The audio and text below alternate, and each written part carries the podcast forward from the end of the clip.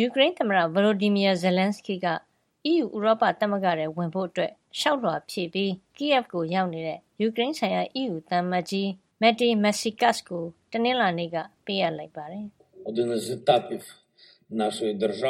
“ဒါဟာ အီးယူ ဥရောပသမဂ္ဂမှာ ယူကရိန်းပါဝင်နိုင်ဖို့ လုပ်တဲ့ ခြေလှမ်းတရပ်ဖြစ်ကြောင်းနဲ့ ယူကရိန်းနိုင်ငံသားတွေရဲ့ ရည်မှန်းချက်အတိုင်း ဆက်ပြီး ဖြစ်မြောက်အောင် လုပ်သွားမှာဖြစ်ကြောင်း”သမ္မတ Zelenskyy က အီးယူကို တရားဝင် လျှောက်လွှာတင်ရင်း ပြောသွားတာပါ။ ဥရောပကော်မရှင်အကြီးအကဲ Ursula Von der Leyen နဲ့အီးယူနိုင်ငံခြားရေးနဲ့ လုံခြုံရေးမူဝါဒဆိုင်ရာအကြီးအကဲ Josep Borrell တို့ပေးအပ်ခဲ့တဲ့မေးခွန်းပေါင်းအတွဲ၂တွဲပါဝင်တဲ့အီးယူဝင်ခွင့်လျှောက်လွှာကိုဖြည့်ပြီးအီးယူသံအမတ်ကိုပေးအပ်ခဲ့တာဖြစ်ကြောင်းနဲ့အီးယူအဖွဲ့ဝင်အဖြစ်လက်ခံမယ်လို့မျှော်လင့်ကြောင်းလည်းသမ္မတကပြောပါတယ်။ယူကရိန်းကိုရုရှားကျူးကျော်တိုက်ခိုက်ခဲ့ချိန်ကစပြီးပထမဆုံးအကြိမ်အဖြစ်ဥရောပကော်မရှင်အကြီးအကဲ